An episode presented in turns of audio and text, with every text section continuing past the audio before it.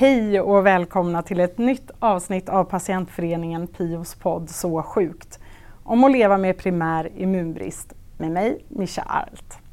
Idag ska det handla om någonting ganska knepigt och det brukar det ju göra när vi pratar om de här över 300 sjukdomarna. Det ska handla om autoimmunitet, ett forskningsområde som jag tror att man utan att överdriva kan kalla för hett just nu.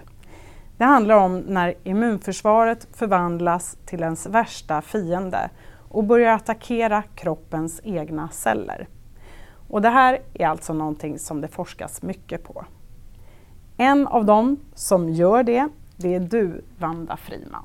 Ja, det stämmer. Vi har ju rätt så nyligen startat en studie eh, där eh, vi undersöker våra patienter med CVID avseende eh, komplikationerna som vi kan se, förutom infektioner som alla har, så är, det, så är det komplikationer i form av auto, autoimmunitet och också en inflammation. Du är professor här vid infektionskliniken på Östra sjukhuset i Göteborg. Tack för att vi får komma hit idag. Välkomna. Här finns också Ludvig Anderberg. Ja, det stämmer bra. Och du är en av dem som kan kunna få hjälp av Vandas forskning framöver. Det hoppas vi absolut på. Mm. Kan du berätta lite, hur ser din problematik ut? Jag är diagnostiserad med CVID då sedan, sedan tonåren ungefär. Så jag har haft det länge. Eh, och eh, sen har väl det i början så var det mer infektionsbenägenhet och mycket antibiotikabehandling. Och sen de sista ja, tio åren är det väl nu egentligen lite drygt så har jag också fått autoimmuna problem framförallt med min mage och min tarm som inte riktigt funkar som den ska. Nej, du har det väldigt besvärligt har jag förstått. Ja, det går i perioder får man väl uttrycka. Det har gått i perioder. Först var det en tuff period givetvis när det började för ja, 12 år sedan. Eh, och eh, hade en tuff period eh, nio egentligen när jag blev inlagd på sjukhus under ganska lång tid och man utredde detta fram och tillbaka och, och så vidare. Och till slut så kopplades Vanda då in på detta och vi började med kortisonbehandling. Vilket hjälpte och har hjälpt mig under många, under många år. Men jag har väl liksom över tid kanske fått lite sämre och sämre effekt av den eh, behandlingen. Så att eh, på sista ja, ett, två åren här så har man även gått över, eller vi har gått över och behandlat med det som kallas för TNF-alfa-behandling som är inflammationshämmande eh, preparat också för att försöka förbättra situationen och det går väl upp och, ibland och ner ibland. Och hur skulle du säga att det här påverkar din vardag? Eh, ja, det, på, det, har ju påverkat mig så tillvida att jag sen 2000, eller ja, över tid så har jag tappat i vikt. Jag har svårt att hålla vikten, tappat i muskelmassa eh, ganska mycket. Eh, vilket gör väl att jag ligger och hela tiden och balanserar på en nivå där, eh, ja, där det är dagskurs egentligen på hur mycket ork och kraft jag har. Så att eh, under perioder så klarar jag mig, mig liksom rätt så bra. Och eh, jag jobbar, peppar peppar, normalt sett. Sen kan jag väl ha någon period sådär per år när jag, är lite, när jag är sjukskriven och borta en vecka. Men inte mycket mer än så. Men jag har perioder absolut när magen blir, blir sämre och jag inte får behålla, behålla någon näring helt enkelt. Mm. Och då eh, tappar jag i vikt. Eh, och blir det riktigt illa så får jag ringa Vanda och så blir jag inlagd liten stund på infektionskliniken här och så får de ge lite vätska och lite annat för att jag ska liksom komma tillbaka mm. upp på banan igen. Eh, och har även i perioder då provat eh, intravenöst eh, näringsdropp för att få bygga upp kroppen. Tyvärr så slutade väl liksom den längre perioden som vi hade där slutade i en väldigt allvarlig blodförgiftning. Men, ja, så vi får väl se hur vi ska hantera det framöver helt enkelt. Mm. Känner du dig orolig? Inte löpande eh, gör jag inte så här. Sen går det ju perioder, absolut. Det är klart att jag känner när magen är riktigt dålig under långa perioder så det är klart att jag känner att eh, man har tankar kring hur länge pallar eh, kroppen med. Liksom. Och eh, sen kan jag säga att jag har en, har en skräck för att hamna i en situation där jag skulle behöva intravenöst näringsdropp igen. Jag vet ju att det alltid är en utväg. Liksom. Men med tanke på hur det slutade sist, eh, där jag låg på intensiven i fem dagar, så är det klart det är inget man, eh, man gör så länge man inte känner att det är absolut nödvändigt. Mm. Hur vanlig är en sån här situation skulle du säga, Wanda? Alltså Ludvig har väldigt uttalade problem med tarmen och det finns sådana enstaka patienter med CVD som har det men eh, sammantaget kan vi säga att de här komplikationerna i form av autoimmunitet och inflammation är ju det stora problemet vi har nu eh, hos patienter med CVD. När jag började arbeta med, med patienterna eller började då ta hand om dem och sköta dem i slutet av 80-talet, då var luftväg, de bakteriella luftvägsinfektioner det stora problemet. Men vi har lärt oss med tiden att bara man ger tillräckligt höga doser immunglobulin och man ger antibiotika i tid och i tillräckligt länge så, så klarar vi av de luftvägsinfektionerna som var det stora problemet. Och då slipper patienterna utveckla lungskador som bronkektasier till exempel.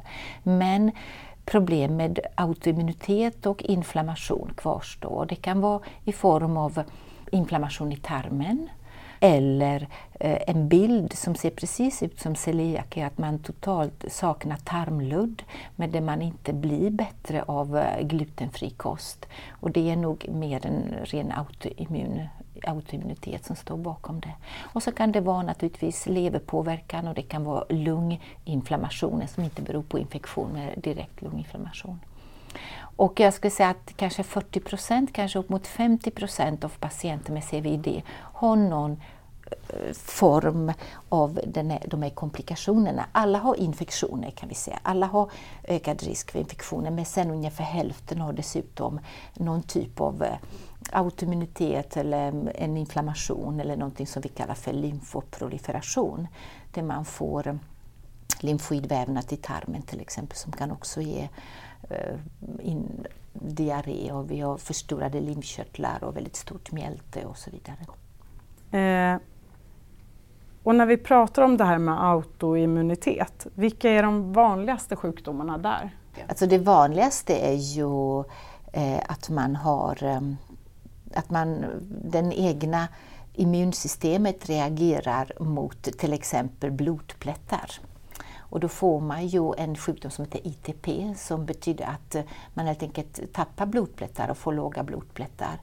Eh, och man kan, ha, man kan reagera mot egna blodkroppar, alltså röda blodkroppar och då får man något som heter ak akut eh, autoimmun hemolytisk anemi till exempel. Man kan ha antikroppar mot köldkörtel så att man får underfunktion av köldkörteln. Det är kanske de vanligaste eh, klassiska autoimmuna sjukdomar vi kan koppla till eh, CVID och andra primära immunbrister. Men sen har vi ju de här mer Eh, lite oklara eh, typ av autoinflammation som till exempel tarm i tarmen eller i levern. Det vi inte egentligen riktigt vet, är det en ren autoinflammation eller är det en kombination av autoinflammation och autoimmunitet. Och vilka primär immunbristdiagnoser är de mest drabbade? Det är CVID och så är det en ett mycket lindrigare immunbrist som heter IgA-brist. Selektiv IgA-brist. Men IgA-brist och CVID är ju väldigt, har genetiskt samma bakgrund sannolikt. Vad kan du göra för att hjälpa Ludvig? Dels finns det behandlingar mot själva inflammationen som Ludvig har i sin tarm och det kan, den inflammation kan bero på autoimmunreaktion eller det kan vara inflammation i sig. Och då är det kortison som man eh, ger i form av tabletter som ska vara mest verksamma i tarmen. Och sen har det kommit så att säga, nya, de är lite nyare biologiska läkemedel som till exempel anti-TNF och det finns andra biologiska läkemedel. Så det är den rent medicinska behandlingen. Sen vad är det som är väldigt viktigt när man har en patient med så pass uttalade besvär som Ludvig har, det är att man, att man har kontakt med en läkare som är duktig på nutrition. Och där, här i Göteborg har vi en kollega som heter Lars Ellegård som är ju expert på nutritionssvårigheter hos patienter som har till exempel en typ av kort tarm eller andra eh, besvär som gör att man får en så kallad malabsorption, att man tar inte upp ämnen. Så att eh, de, patient, de av mina patienter som har det väldigt besvärligt blir remitterade till den här eh, korttarmmottagningen som det hette egentligen, fast eh, här är det inte fråga om korttarm utan icke-fungerande tarm. Och sen har jag också involverat en eh, kollega på gastroenterologen som, ett, eh, som tar hand om alla mina patienter med tarmbesvär. Så att när de kommer till honom så vet han vad CBID är för något och har sett flera patienter. Så det blir biologisk behandling, kortison och eh, nutritionsbehandling som är viktig. Det låter som att du har ett fint omhändertagande. Absolut, jag har nog eh, väldigt väl förspänt som dels bor här i Göteborg och har kommit i kontakt med Vanda och, och teamet runt. Liksom. Absolut, så att jag, jag känner verkligen att man blir väl omhändertagen. Absolut. Hur ser den här kontakten med din nutritionsläkare ut? Ja, vi ses ungefär, man kan säga två gånger om året. Eh, jag tar rätt mycket blodprover innan jag går dit för att kolla av alla värden på ja, vitaminer och mineraler och så vidare kring hur nutritionsbilden ser ut och sen äter jag rätt mycket tillskott i höga doser, både eh, B och D och A och K-vitamin för att normal kost ger mig för lite helt enkelt, eller tarmen tar inte upp det. Så att för att hålla nivåerna på, på okej nivåer eh, i kroppen så behöver jag de tillskotten. Plus också att han hjälper till med eh, näringsdrycker, alltså rent näringstillskott som är rent kaloritillskott egentligen. Eh, som jag använder ganska, ganska löpande. Och där har jag fått prova mig fram lite grann kring vilka typer som eh, fungerar. För det är inte bara att tarmen fungerar dåligt, den är också rätt, den är ganska känslig för vad jag liksom stoppar i mig. Kompliceras primär immunbristbehandlingen av autoimmunitet och tvärtom? Det är väldigt fascinerande egentligen att man kan ha en uttalat immunbrist i det fallet då när det ser vi det antikroppsbrist och samtidigt fast immunsystemet är så nedsatt att man har definitionsmässigt uttalat immunbrist så har man ökat immunsvar i form av autoimmunitet och inflammation. Man ska kanske inte kalla det immunbrist längre utan immundefekt. För det kan vara både sänkt immunsvar och samtidigt ökat på ett annat ställe. Det, det som kan vara komplicerande är att de är mediciner som man gör för att minska på autoimmunitet och inflammation nedsätter lite grann immunförsvaret också. Kortison nedsätter immunförsvaret och har biverkningar naturligtvis på sikt. Och eh, de här nya biologiska läkemedel som man ger för att minska inflammationen, de också gör naturligtvis att man blir mer infektionskänslig. Så på det sättet så blir det komplikation att man måste använda läkemedel som nedsätter immunförsvar till en patient som redan har eh, sämre immunförsvar. Det måste också vara svårt att veta vad som är den bästa behandlingen när det finns så stor okunskap om orsaken. Det är väldigt svårt och det beror på att gruppen, alltså patientgruppen CVID är en mycket heterogen grupp. Och man har forskat väldigt mycket för att hitta den genetiska bakgrunden till det hela. Men än så länge har man hittat kanske 15, 15-tal så kallade monogena sjukdomar då man kan hitta en specifik gendefekt. Men det är kanske bara 15 procent av alla CVD-patienter som faller i den gruppen. Resten så vet man fortfarande inte vad defekten beror på.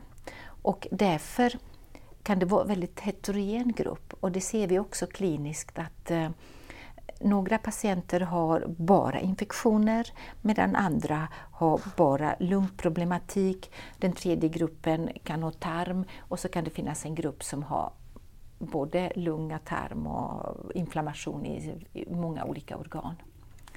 Så väldigt heterogen grupp som gör att vi skulle vilja hitta tidiga markörer väldigt tidigt eh, i livet, redan när Ludvig blev sjuk som tonåring, till att man kunde gå där och ta vissa immunologiska markörer och genetiska markörer och kunna säga här kommer det bli problem på sikt och vi måste eh, följa patienten mycket noggrannare och försöka hitta en behandling innan det blir så svårt som Ludvig fick det för 12 år sedan. Mm. Du sa ju det i början att du forskar. Kan du berätta lite mer om det? Hur långt har du kommit nu? Jag har ju forskat framförallt på infektioner vid immunbrist men nu senaste åren genom att antal CVD-patienter blir fler och fler och med tanke på de här komplikationer vi ser i form av eh, lunginflammation och tarminflammationer och även eh, leverinflammation så vill vi naturligtvis eh, komma lite vidare för att just kunna med hjälp av exakt vad patienten har för symptom och sen väldigt noga kartläggning av alla immunceller och hur de fungerar och ytterligare mer avancerade studier när det gäller eh, både B och T-celler samt genetiska studier. Få fram en möjlig vad ska jag säga, algoritm där man skulle tidigt kunna gå in och säga att den här patienten löper stor risk att utveckla de här komplikationerna. Och kunna ge tidigare behandling och kunna ge bättre behandling än vi har idag. Så det är ju en kombination av eh, kliniska studier där man verkligen utvärderar mycket noga alla eh, symptom och immunologiska och genetiska studier. Och hur optimistisk är du om att du kommer att lyckas? det är ett väldigt svårt område det här och det är, vi är inte ensamma om det utan det är många som forskar på detta och vi, nu försöker vi också få internationellt samarbete för att få större material. Men jag hoppas att eh, de behandlingsstudier som ändå pågår utomlands att eh, ge oss lite bättre eh, mediciner och bättre resultat än vad vi har idag. Och det tänker jag mest på kortison som vi har använt i alla år men som har mycket biverkningar på sikt. Att vi får bättre effekt av de nya biologiska läkemedlen. Vi pratade ju om det här att man kanske snarare ska säga felreglerat, än brist på immunförsvar. Hur skulle det kunna förändra hur vi ser på primär immunbrist, orsakerna och behandlingen? Det blir ett annat spår, och, men vi har kvar immundefekten så att eh, till exempel antibiotikabehandling och noggranna, att man odlar ofta på till exempel upphostningar och eh, finner den bakterie som orsakar infektion och behandlar med rätt sätt med eh, antibiotika och, och självklart vi ser vi det och de andra antikroppsdefekter i bra doser med immunglobulin. Det finns ju kvar. Och det har vi alltid haft, men utan det är något nytt som tillkommer nu där man ska behandla själva inflammation som orsakas till exempel av autoimmunitet eller att det är en spontan så kallad autoinflammation. Så det kommer nya behandlingar. Så att eh, basen kvarstår ju. Noggrann eh, behandling av själva bristen och, eh, och infektionskomplikationer och sen så måste man lägga på de nya behandlingsmedel mot själva inflammationen som beror på autoimmunitet eller på autoinflammation. Hur ser du på framtiden Ludvig? Ja, jag tar nog det lite som det kommer tror jag faktiskt. Eh, det är klart att man funderar, man har sina stunder när man eh, funderar på liksom framtiden och vart det ska ta vägen. Eh, visst är det så. Men jag försöker väl så långt det är möjligt. Sen har man sina mörka stunder men man försöker ändå så långt det är möjligt se, se ljust eh, på, på framtiden och hoppas på att det inte ska bli, bli värre i alla fall. Utan ha det på en nivå som är kontrollerbar. Det är för mig det viktigaste. Liksom, att jag, jag vet vad jag har för eh, livssituation eh, just nu och den kan jag hantera. Men det är klart att blir det, blir det väldigt mycket sämre då kommer det påverka mig på ett helt annat plan för då börjar det påverka mitt eh, kanske arbetsliv och liksom, eh, andra delar som är ändå ganska viktiga. För att man inte ska se sig själv som bara sjuk om man uttrycker sig så. Det får gärna forskas mycket på det här området. Ur många olika perspektiv. Jag tror det svåra är väl liksom som, eh, som patient, där, även fast jag har väldigt bra stöd, dels i Vanda och mag-tarmläkare och och då också med nutrition och så vidare. Men ibland är det ändå svårt att få hela, få hela bilden. Liksom. Mm. Ibland önskar man att man kunde få alla tre läkarna i ett rum och, och, och faktiskt få en stund och bara prata. Och du skulle önska också att vi kunde liksom ha ett gemensamt besök. Ja. Det kanske inte är omöjligt att åstadkomma. Stort tack Vanda och Ludvig. Tack. Tack. Tyckte du att det här var lite krångligt? Ja, här kommer en faktaruta om primär immunbrist och komplikationer som autoimmunitet. Primär immunbrist är ofta mer än infektioner. Komplikationer som autoimmunitet, autoinflammation, allergier och cancer förekommer hos ungefär hälften av alla som har primär immunbrist. Och komplikationer det får främst de som utöver brist eller dålig funktion av B-lymfocyterna också har dåligt fungerande T-lymfocyter, det vill säga har en kombinerad immundefekt. Förenklat så kan man säga att B-lymfocyterna, eller B-cellerna som de också kallas, försvarar oss mot bakterier medan T-lymfocyterna, eller T-cellerna, främst försvarar oss mot virus och svamp. Vissa T-celler har också till uppgift att förhindra att autoreaktiva celler uppkommer. Och fungerar inte T-cellerna så uppstår autoimmunitet och cancer lättare. Alla med CVID, eller variabel immunbrist som CVID också kallas, har infektioner och ungefär hälften har autoimmunitet och andra komplikationer också. Sen finns det ju också mycket ovanliga primära immunbrister där autoimmunitet är det mest dominerande symptomet. Det gäller till exempel ALPS, Apiced, IPEX och kronisk mukotan candidasis.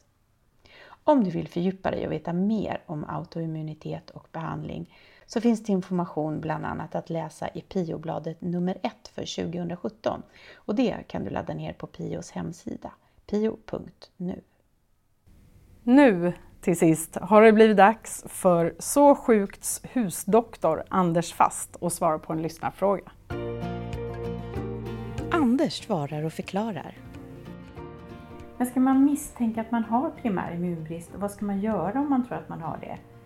Alltså vilka tester ska man be vårdcentralen att ta när man kommer dit för en infektion?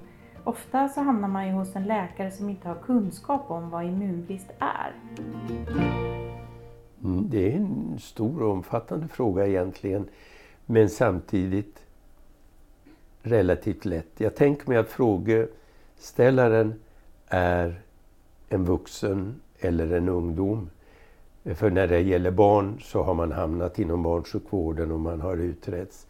Men just det här äh, när det gäller det som kallas för vanlig variabel immunbrist, det vill säga att man under ungdomsåren eller vuxenåldern förvärvar en brist på immunglobulin.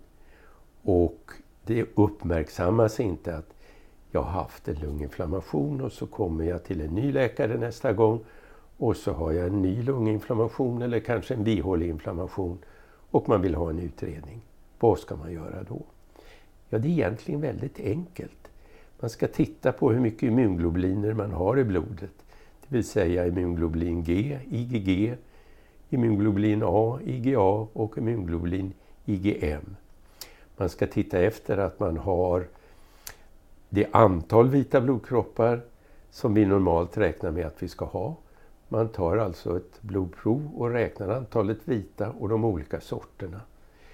Eh, vi ska gärna titta på subklasserna till IgG och så rekommenderar vi också därför att eh, vi har upptäckt att där missar vi kanske en del om man har brister på det som kallas för komplement.